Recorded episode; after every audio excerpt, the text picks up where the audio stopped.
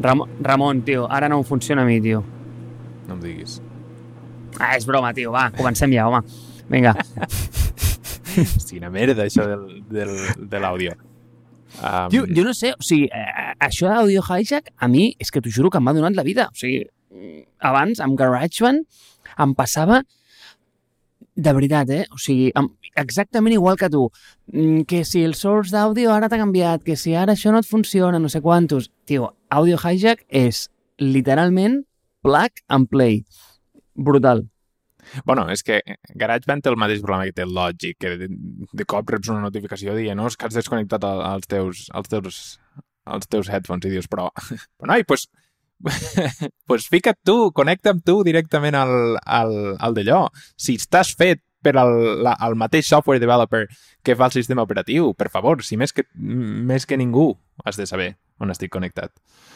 Però bueno, De què veure, parlarem Marc. avui? De què parlarem avui, Ramon? Sí, va. A veure, anem, anem a dins ja, anem a dins, Anem a tenim dins. 20 minuts. anem al safreig. A veure, una de les coses... Una de les coses que farà Safareig és parlar de les coses que nosaltres tenim experiència, veritat? I jo penso que tu tens una experiència única, una visió única uh, amb el sector de l'educació. Bàsicament perquè t'hi vas passar molts anys mentre estaves a Ironhack i per tant tu, tu que ets una persona que ha estudiat enginyeria um, i no s'ha dedicat a l'enginyeria, no a l'enginyeria informàtica, sinó a l'enginyeria industrial, um, o telecomunicacions, o el que sigui. Uh, per tant, tu has vist, des del punt de vista d'un estudiant, una educació que no t'ha servit de res, o aparentment de res, uh, podem parlar d'això. I, uh, I també has vist la visió del bootcamp des d'una perspectiva de project manager i des d'una perspectiva pràcticament de fundador a un bootcamp. Per tant, m'agradaria saber què penses de les diferències, i no només de les diferències, sinó a mi m'interessa què, passa, què passarà en un futur, no? Uh, en un futur, quina serà o quin serà el tipus d'educació que prevaldrà o quin serà el tipus d'educació que serà més beneficiós per la gent en general. Sobretot des d'un punt de vista de, com vam parlar l'altre dia, el Covid, eh, des d'un punt de vista on tot està remote, des d'un punt de vista on el canvi és constant, eh, etc etc. Sí, és que Ramon, eh? Qui, qui m'ho anava a dir a mi, eh? Enginyer industrial que no li ha servit absolutament de res la carrera acabant-se dedicant, eh, a veure, no dedicant, però, però sí com en el sector de l'educació. És la típica cosa que no hagués pensat mai a la vida. Però, inclús et diré més, segons com ho miris, podria dir-se que encara estic al sector de l'educació en el món dels eSports, perquè d'alguna forma tenim com una plataforma d'apre- d'aprenentatge a GameStree i malgrat ens estem anant una mica cap a l'entertainment, sí que és cert que hi segueix havent aquest component d'aprenentatge. Eh, però bueno, històries per no dormir per un altre dia. Sobre el que m'has preguntat. Jo t'anava a dir que jo vull tocar l'angle de GameStree i l'angle de l'educació. És a dir, jo no sabia aquest últim canvi, però l'angle d'aquesta educació més, si vols dir, ràpida, més, com lightning education, de jo vull aprendre una cosa que els bootcamps encara no estan establerts i, per tant, l'educació de, de bootcamp encara no me l'ensenya, i l'educació tradicional, òbviament, com que va 10 anys endarrere, tampoc la puc tenir. Llavors busco aquest tercer angle de GameStree, professionals amb això, han gravat un vídeo i l'han picat i són els únics que, que em poden ensenyar aquest motiu. Jo penso que aquí hi ha un tercer angle del que podríem parlar, però, uh, però diguis. Totalment d'acord, eh? Totalment d'acord que aquí hi ha com... Sí, eh, aquest tercer angle que menciones, i és que inclús veiem, o bueno, de fet, és una mètrica que estem traquejant com molt de prop, és la de quants jugadors venen a veure que després es converteixen en creadors de contingut per donar formació a, a, a altres persones. I un dels reptes que ens estem trobant, i això és una cosa que, de fet, a Ironhack ja ho havíem vist molt, i és que hi ha com aquesta mm, comidilla, com aquest corrillo de que eh, no hi ha programadors bons i costa molt trobar programadors, bla, bla, bla. Jo et diria que avui en dia és més fàcil ensenyar programació a un formador o a un docent que no pas ensenyar docència i formació a un molt bon programador. I és una cosa que a mi m'explota el cap quan ho penso. És a dir, crec que és més mm, eh, escàs. Eh, és més escàs la oferta de bons docents que no pas l'oferta de bons programadors. Crec que és un skill molt complicat, el de la docència. I com formar tota aquesta gent que està entrant a voler donar contingut eh, dintre de GameStreet, per exemple, és un dels reptes més grans que tenim. Perquè tenim grans jugadors, però són pèssims comunicadors, per dir-ho d'alguna forma.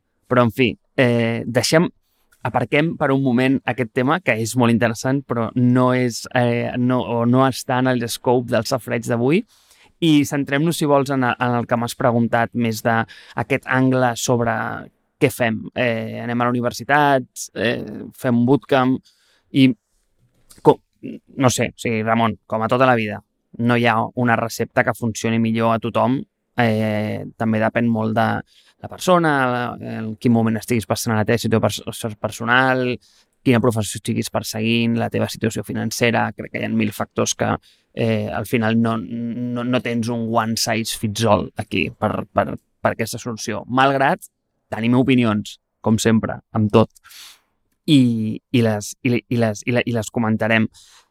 Jo crec que la primera cosa que s'ha de comentar abans d'entrar en el terreny de si és una o és l'altra, és quin paper està jugant la universitat a dia d'avui. I és que, a veure, si tu t'imagines la universitat com a vehicle formador, a dia d'avui està fent un favor una mica, mm, diguem, flaco a, a la societat. És a dir, per què vas tu a la universitat? I vas no perquè estiguis incentivat per anar cap allà, sinó perquè bàsicament és el que fa tothom.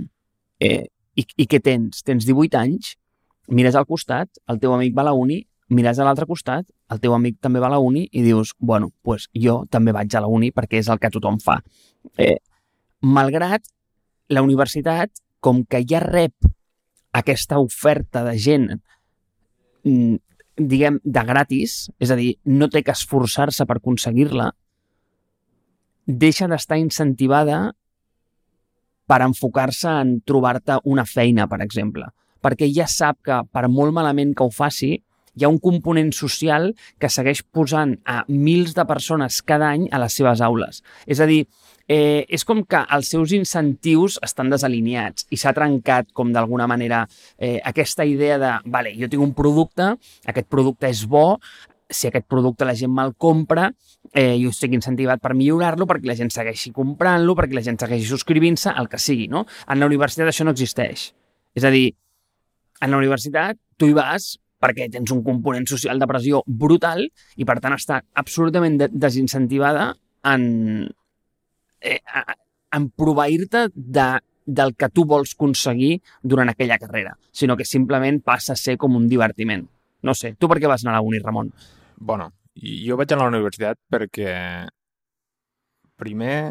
Jo, a veure, i, i, diverses coses. Jo vaig anar a la universitat perquè, pel que tu dius, eh, és interessant el que dius, que és la, per la inèrcia social que tu tens de uh, necessites una carrera, o per la, per la titulitis que hi ha en aquest país també, de necessites un títol per poder avançar o per poder obrir-te unes, unes portes. I, i jo penso que anem a la universitat bàsicament pel pensament tradicional de que no només necessites un títol per fer certes coses, però també mmm, si vols fer una feina, diguem-li X, necessites uh, aquesta qualificació. És a dir, per què treus el first d'anglès? O per què treus el CAE? O per què treus l'advance? Te'l treus perquè penses que el necessitaràs per trobar feina X. Uh, llavors jo vaig anar a la universitat per això i vaig triar enginyeria uh, electrònica industrial també, bàsicament perquè pensava que era la que m'obria més portes, no? Uh, quan després miro endarrere i penso, hòstia, menys mal que, que no la vaig perseguir, perquè era o robòtica o sí que podria haver fet una mica d'informàtica o uh, anar a millorar processos d'indústria a la Borges o a l'Argal o, o a qualsevol fàbrica uh, uh, de Lleida. Sobretot, també per com les universitats estan rodejades i, i canvien el seu currículum depenent de la zona. És a dir, la Universitat de Lleida no és la mateixa que la Universitat de Barcelona, tot i que fan, fan la mateixa carrera. Però jo bàsicament la vaig fer per això, per la titulitis que hi havia i per una cosa que és on jo volia entrar, que és jo tenia passió pels ordinadors, jo tenia passió per la tecnologia, però no sabia encara què és el que m'agradava realment a mi. I llavors, la universitat era una manera de seguir el carburador o seguir la, la carrera i seguir la, la meva formació professional cap, a, cap amunt sense saber quina era la manera de continuar formant-me amb el que m'agradava. És a dir, era una manera de seguir la bola. Llavors, i jo penso que part del per què la gent entra en una universitat és un, quan tens 18 anys probablement sigui per la immaduresa i per el que tu dius, la inèrcia social aquesta de tu has de continuar fent gran aquesta bola de l'educació anem cap a, cap a fer una carrera i probablement això ens porta a, a escollir una carrera que no, que no acabarà sent, sent benefici per nosaltres i per això veus tants canvis, uh, gent que fa primer, segon i després canvia de carrera, etc. I, I jo penso que en gran part és per, per la titulitis de, que, que tenim.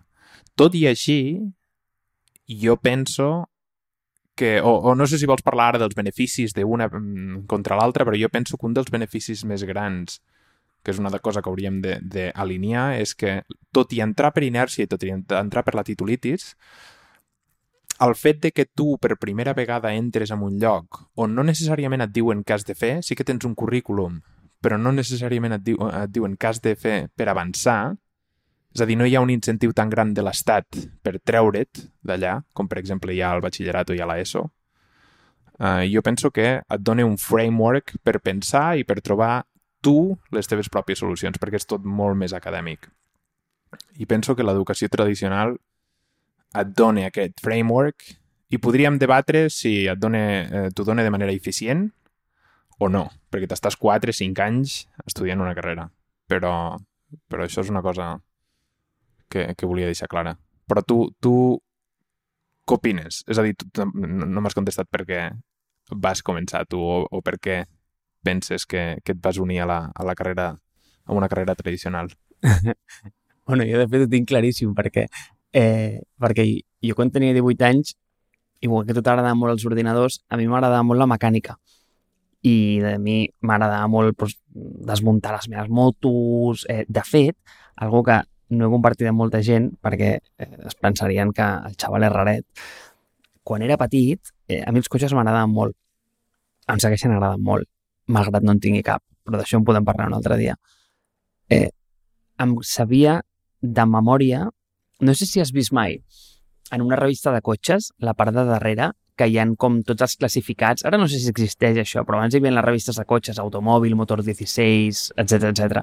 Eh, hi havia com tots els vehicles llistats eh, bueno, doncs amb el, totes les seves especificacions, no? Mm, cubicatge, pes, dimensions, eh, eh, potència, etc etc, consum, el que vulguis. Doncs em sabia de memòria tota, tot el llistat que hi havia darrere de la revista de Motor 16. Ho recordaré tota la vida. Si tu em deies, eh, Marc, Opel Corsa GSI, digue'm la cilindrada, jo et deia eh, 1.596 centímetres cúbics. Eh, si tu em preguntaves eh, Volkswagen Golf, tres portes, mm, TDI 90 cavalls, quin pes té? Et deia, eh, pesa 1.200 quilos. M'ho sabia de memòria, Ramon. Ara ho miro enrere i penso, Déu meu, és l'exercici de memorització més gran que has fet a la teva vida. És curiós, però, que tota aquesta passió que tu tenies pels cotxes, la universitat no la sapigués canalitzar cap a una feina després. Mm, aquí anava. Sí, sí i no, vale? Sí i no. Aquí anava. Llavors, jo què volia ser? Jo volia ser... O sigui, jo no sabia què volia ser quan tenia 18 anys. Jo només sabia que el que volia era fer sentir a l'altra gent el que jo sentia, tio, quan passava un Porsche Carrera i, sen i, i sentia aquell soroll. Jo volia dissenyar allò. Jo volia ser la persona que construïa aquell sentiment. I això ho tenia claríssim. I llavors jo vaig pensar, bueno, Marc, tu el que vols ser fill és mecànic, no? És claríssim, és del llibre, no? Tu al final vols construir el cotxe, vols reparar-lo, vols ser aquesta persona. Molt bé. Llavors, jo amb 18 anys vaig dir, jo vull ser mecànic, val? Però la meva família, diu que era molt intel·ligent i, i té molt poder de persuasió, em va dir, mira, Marc, eh, tu no vols ser mecànic. I tu que vols? Diu, ah, ojo, a veure, cuidado, cuidado, a veure què és el que vull. Eh, tu el que vols és ser la persona que dirigeix els mecànics. I jo, ah, interessant. O sigui, el que els diu que has de fer, curiós, això. I com es diu això? I em diu, mira, Marc, això es diu enginyeria industrial. I jo, ah, collons, pues això és interessant. I llavors vaig dir, bueno, vaig aplicar d'una i em vaig fotre. Però clar, jo no tenia ni idea, Ramon, què collons era enginyeria industrial. I resulta que, que jo vaig entrar allà pensant que estaria desmuntant un motor al dia 1 i el primer dia 1 vaig trobar càlcul infinitesimal, àlgebra, mecànica mm, i, i una sèrie de, de, de no ho sé, com d'entelèquies matemàtiques que, a veure, és que a mi, mira, he tingut la sort a la vida que se m'han donat molt bé les matemàtiques i els números, però és que eh, no tenien res a veure amb el que, amb el que, jo, amb el que jo volia fer. És que, de fet, de fet, vam seguir així segon i a tercer hi havia per primera vegada una cosa que es deia enginyeria del transport. I vaig dir, tate, ara és la teva. Això va d'avions, trens, cotxes i autobusos. Però no. El primer dia que vaig veure la signatura era enginyeria del transport, era com viatgen gasos i fluids a les tuberies. O sigui, ja, ja vaig ser com, ara puta merda, perdó, sí, vam saber, eh? però ja era com... era una desesperació molt bèstia.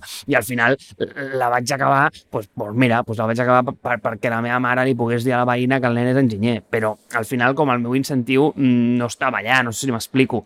Eh, que hagués pogut anar a treballar al grup Volkswagen? Sí, ho ha fet la meitat de la meva promoció.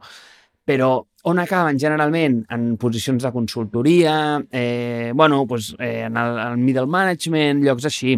Llavors, on vull agafar aquesta, aquesta conversa del que d'on venies?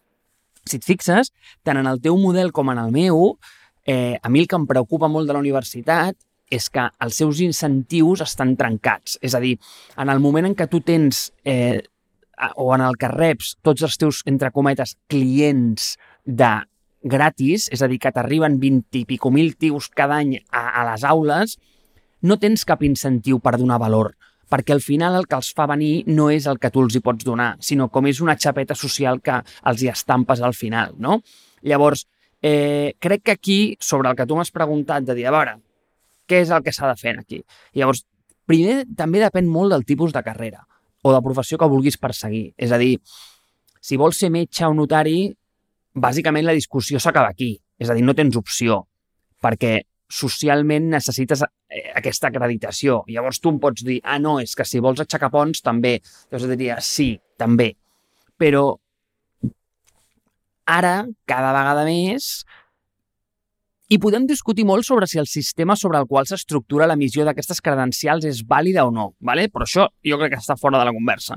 Però crec que ara vegada més hi han moltes escletxes de mercat que tu pots capitalitzar sobre les quals no es requereix un títol o una formació clàssica. I aquí és on entra el tema, del, el tema del, de, bueno, doncs dels bootcamps, la formació no, no, no, no regalada, etc etc. Jo penso que sí que és que sí que la universitat té un incentiu, és a dir, no, no té un incentiu per rebre estudiants, però sí que té un incentiu per continuar la carrera d'aquests estudiants. I és per això que jo penso que et donen tota aquesta base, eh? tot i que tu estaves interessat en la mecànica i tu, tu estaves interessat en els cotxes, ells et donaven tota la base acadèmica perquè tu després poguessis anar a fer un doctorat i després poguessis um, fer el backfeed i poguessis quedar-te com a professor investigant a la universitat i rebre subvencions per poder fer créixer aquella universitat i poder fer créixer el prestigi de la universitat. Jo penso que aquest és un dels incentius bàsics que, que tenen aquestes, aquestes educacions tradicionals i és per això que et donen tota aquesta base abans de començar realment. Jo, jo vaig estudiar electrònica i fins al tercer any no vam fer res d'electrònica. I menys mal, perquè és que odiava l'electrònica. Era una persona que vaig entrar a enginyeria industrial perquè m'agradaven les matemàtiques. I pensava, bueno, mira, faré un, un temps matemàtiques i llavors ja trobaré més o menys el que m'agrada i, el, i el que no, perquè a part de que no sabia que, que el disseny seria una feina a llarg termini, que això és una altra cosa de la que podríem parlar. Però, però amb el que anava aquí és... Tu, tu, tu penses que el bootcamp, que és una cosa que està establerta com a institució, que té l'incentiu d'oferir una cosa que és trencadora um, per rebre persones i ficar-les al mercat laboral, és a dir, és una cosa molt més professionalitzadora que, eh, que, que més d'educació eh, de base i més d'educació d'investigació. Tu penses que el bootcamp és la solució, això? O, o penses que hi ha un middle ground? O penses que depèn... A veure, sempre dependrà de la persona, però, però on penses que els bootcamps um, es fiquen a dins Vale. d'aquesta línia? És a dir, et contestaré la pregunta, però te la canviaré una mica, d'acord? Perquè al, al final del dia el que jo pensi no li importa a ningú, ¿vale? però, mm, com, però com, com et diria? Crec que la millor manera d'aproximar-se a aquest problema és dir, anem a acotar la conversa sota la idea de quin consell li donaríem al nostre fill a dia d'avui si tingués que començar a, a, a, a estudiar d'alguna manera.